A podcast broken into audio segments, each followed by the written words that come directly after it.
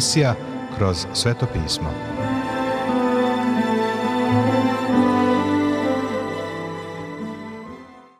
Dobroveče, poštovani slušaoci i dobrodošli u još jednu emisiju programa Kroz sveto pismo, programa koji je za vas napisao Vernon McGee, a pročitao Branko Bjelajac. Želimo vam prijetno i blagoslovljeno slušanje.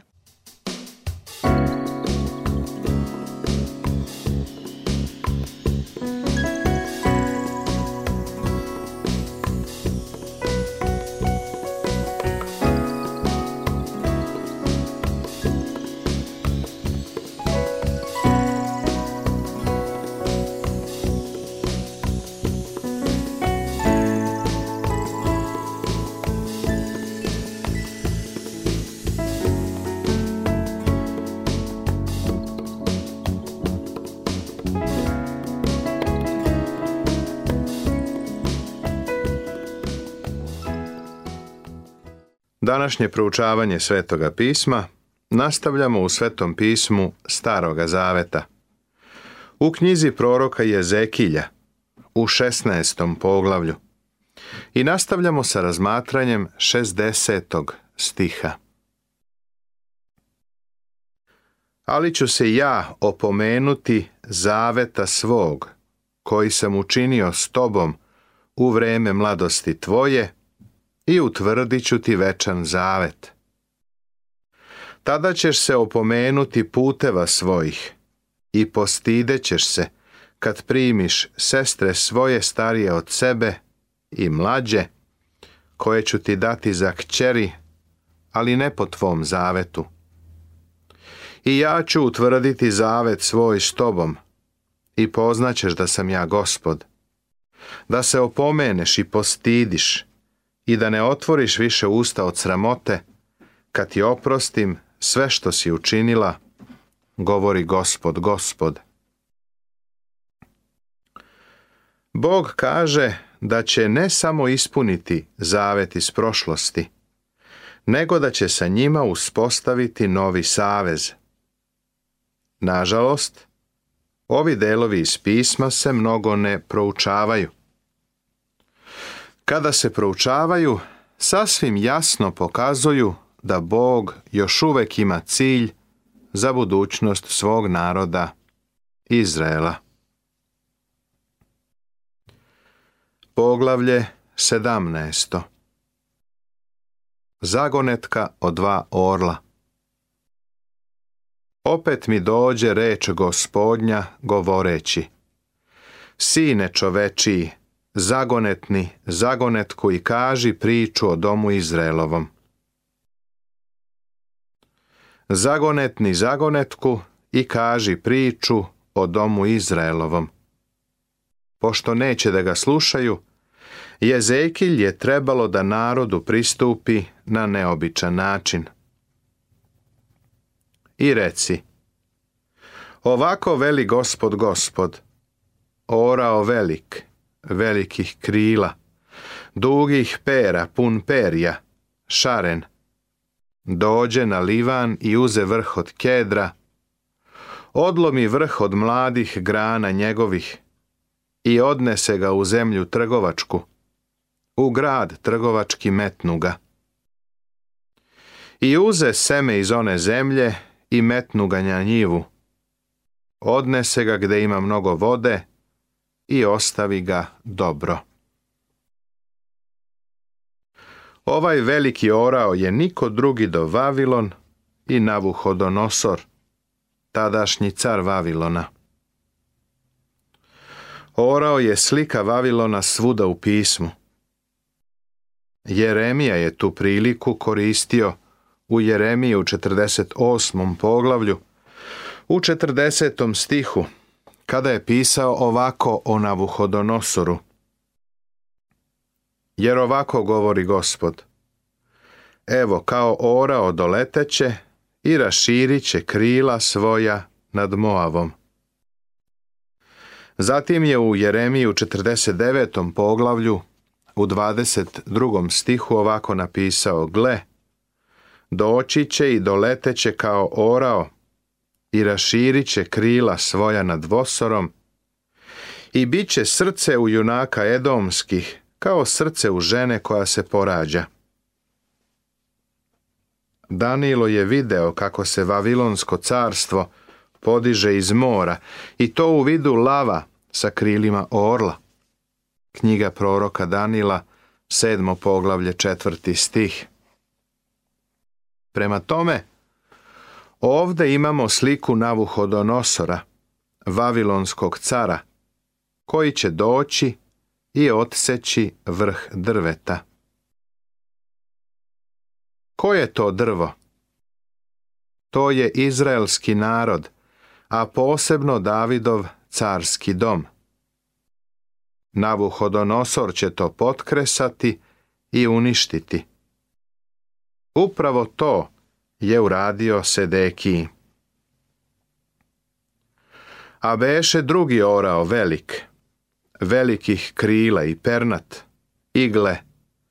Taj čokot pusti k njemu žile svoje i grane svoje pruži k njemu, da bi ga zalivao iz brazda svog sada. Drugi orao je Egipat, koji je u to vrijeme još uvek bio velika sila. Sedekiju je na presto postavio Navuhodonosor, pa su njih dvojica sklopili savez. Međutim, Sedekija je taj savez prekršio i okrenuo se Egiptu. Ovo je ovde prikazano granama koje se naginju ka Egiptu vinova loza je posađena u egipatskom tlu. Želi da iz njega izvuče snagu, ali snage nema, jer će Egipat pasti. Navuhodonosor je zauzeo i razorio Egipat i potčinio ga sebi. Evo poruke koja proizilazi iz jezekiljine parabole kaži tom domu odmetničkom. Ne znate li šta je ovo? Reci, evo dođe car Vavilonski u Jerusalim i uze mu cara i knezove i odvede ih sa sobom u Vavilon. I uze jednog od carskog semena i učini s njom veru i zaklega i uze silne u zemlji da bi carstvo bilo sniženo, da se ne bi podiglo, nego da bi držeći veru s njim stajalo. Ali se odmetnu od njega, poslavši poslanike svoje u misir, da mu da konja i mnogo naroda. Hoće li biti srećan? Hoće li uteći ko tako čini? ko prestupa veru, hoće li uteći? Zanimljivo je da je Navuhodonosor održao svoj deo saveza. Božiji narod je prekršio ono što je trebalo da održi, a paganski narod je održao svoj deo. Kakva slika!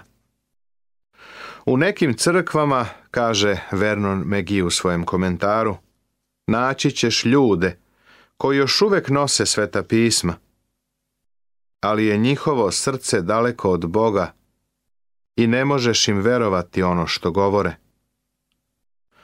Sa druge strane, ima poslovnih ljudi koji su pošteni, iako nisu spaseni. Navuhodonosor će doći i srušiti Sedekiju. Jer prezre zakletvu, prestupajući veru. I gle, davši ruku čini sve to, neće pobeći. Bog kaže, nameravam da zbog ovoga sudim Sedekiji. Prijatelju, ne bih voleo da sam hrišćanin, koga će jednom odvesti u kaznionicu radi toga kako je živeo svoj život. Bog će o tome sigurno suditi. I sva će drveta Poljska poznati da ja gospod snizih visoko drvo i uzvisih nisko drvo. Posuših zeleno drvo i učinih da ozeleni suvo drvo. Ja gospod rekoh i učinit ću. Ponekad Bog dozvoljava bezbožnom narodu da ugnjetava i razara narod koji tvrdi da je Božiji, ali koji je odlutao od Boga. U moralu naše zemlje se desio veliki pad. Otpadništvo je vrlo veliko. U svetu nema mnogo mira, ni unutrašnjeg, ni spoljašnjeg. Svuda su nevolje. Bog kaže da se nećemo izvući sa grehom. Doći će sud.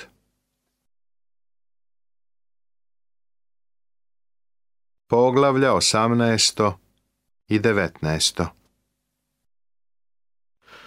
Plata za greh je smrt. Jerusalim je strašan primjer za to. U osamnaestom poglavlju Bog će pokazati da dok sudi, On se svakom osobom bavi pojedinačno i na određeni način. Opet mi dođe reč gospodnja govoreći. Ponovo je jasno da Jezekilj ne daje svoje mišljenje. Ovo je Božja reč.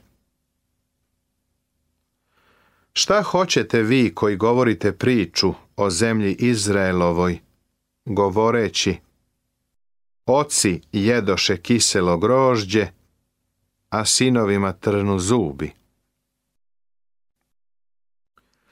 Izraelovi potomci su imali izreku koju su koristili, a koja se dva puta spominje u knjizi proroka Jeremije.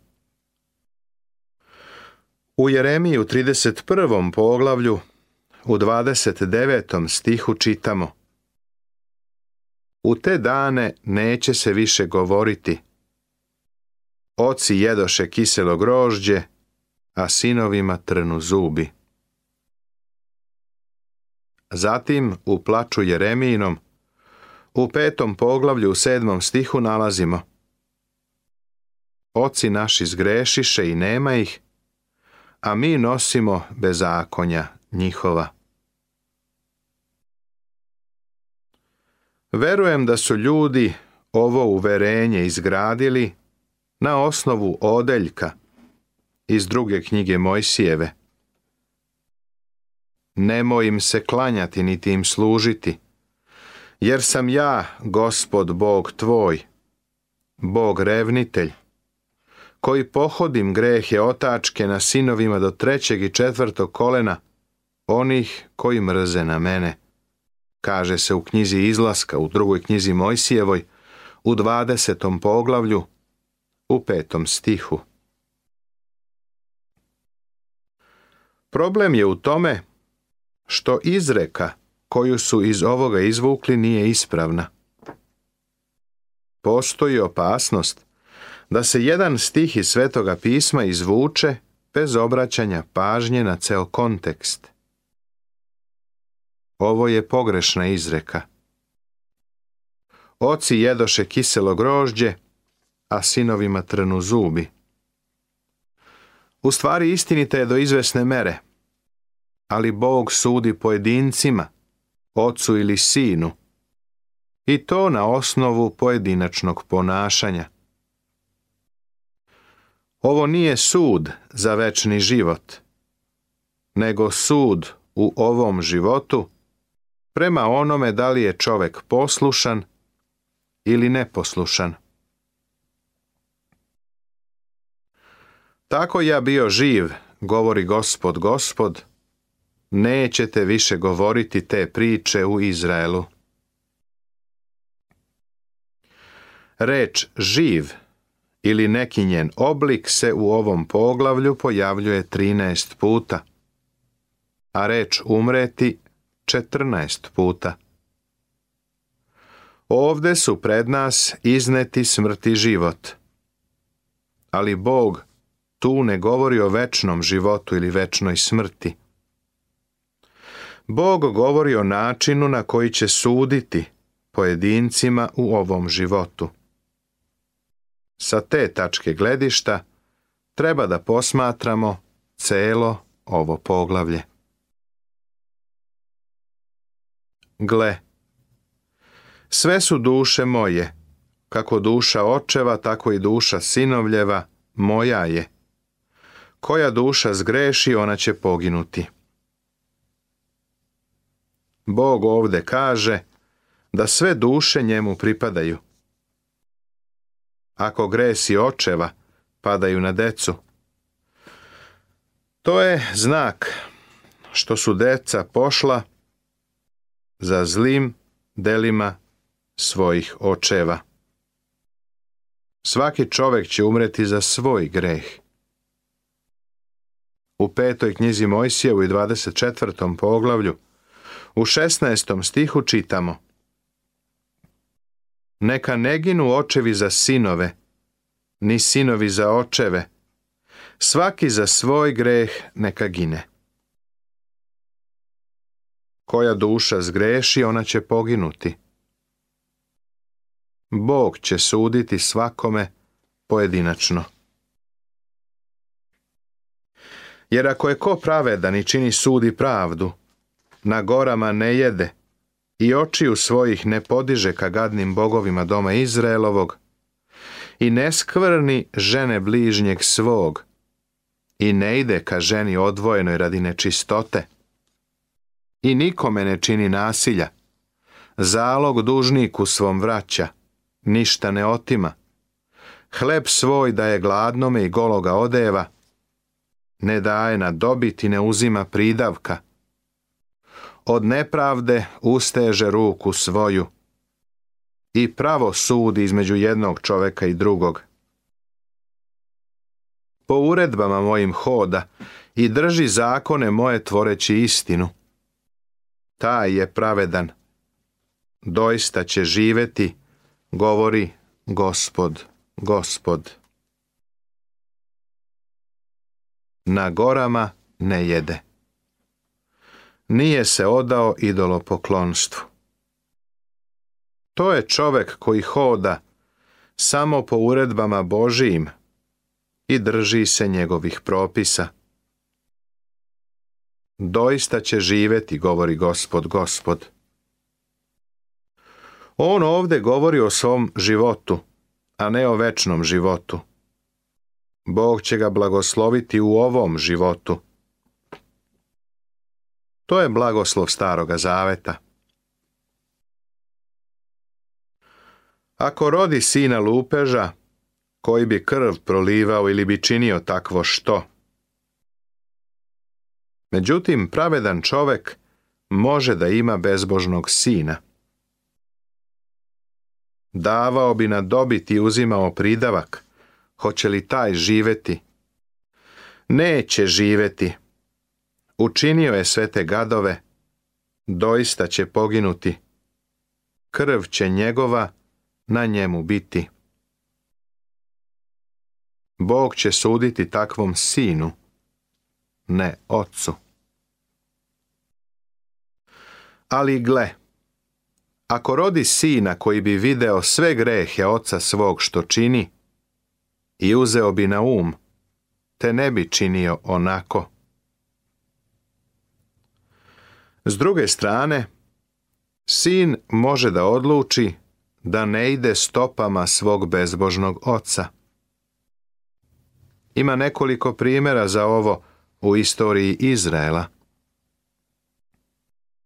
Stari Ahas je bio zaocar, ali je njegov sin Jezekija pokrenuo probuđenje.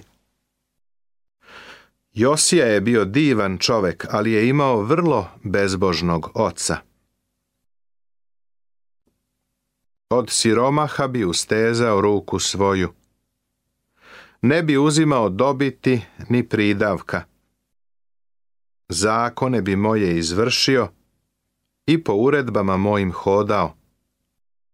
Taj neće poginuti za bezakonje oca svog, doista će živeti.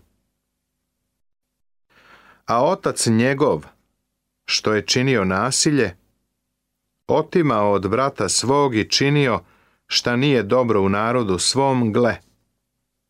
On će poginuti za svoje bezakonje. Bog kaže da će se svakom čoveku suditi u ovom životu za to kako je živeo. Pamti da se ovde ne govori o večnom životu, nego o sudu koji se odnosi na ovde i sada. On želi da zna da je ovo osnova po kojoj će im Bog suditi. Koja duša zgreši, ona će umreti. Sin neće nositi bezakonje očevo, niti će otac nositi bezakonje sinovljevo. Na pravedniku će biti pravda njegova, a na bezbožniku će biti bezbožnost njegova. Koja duša zgreši, ona će i umreti. Ovo se dva puta ponavlja u ovom poglavlju, ovde i u četvrtom stihu. Nastavit će se.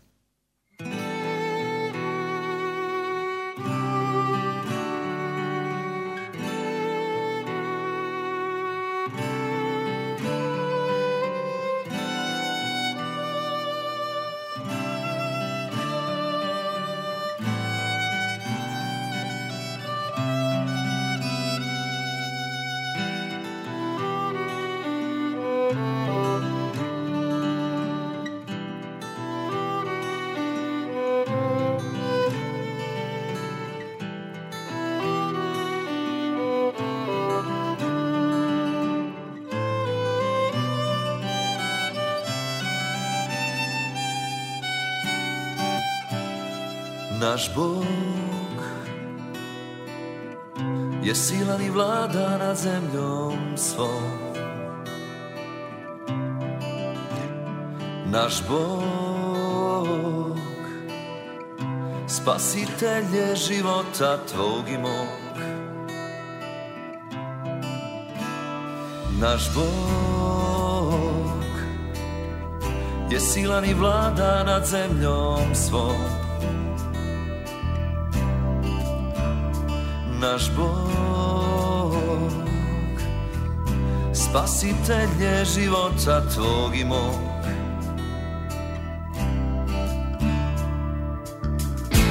Sila ratni konje Vladar neba i zemlje Onaj pred kim će se svako klanjati Iznad njega nema Ono koji vlada jer on je Bog, jer on je Bog. Pusti ga da uđe u život tvoj, jer on je rekao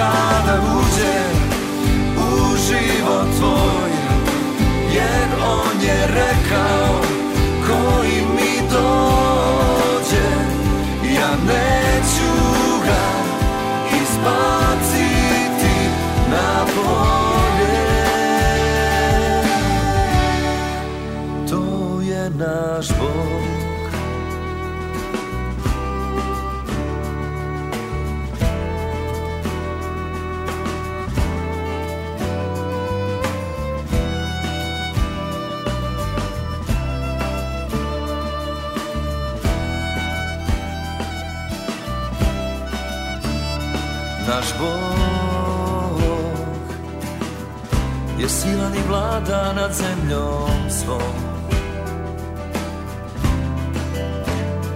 Naš Bog Spasitelj života tvog i mog Naš Bog Je silan i vlada nad zemljom svom Naš Bog spasitelje života tvog i mog.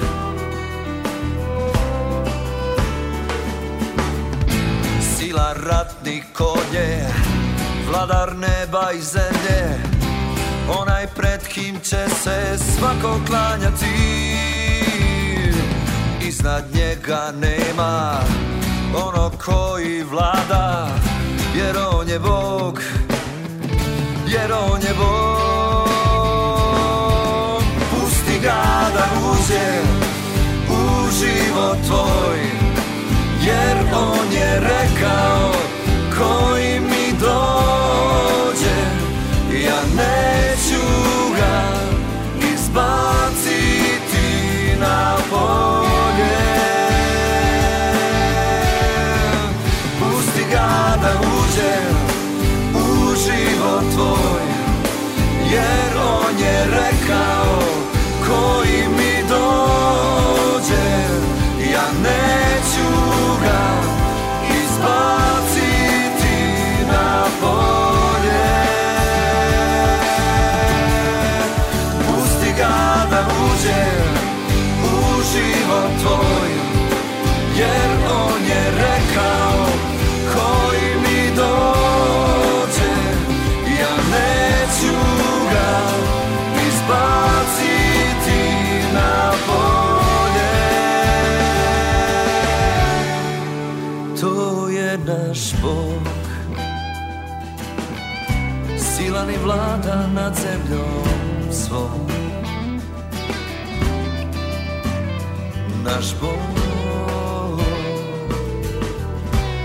spasitelje života tvog i mog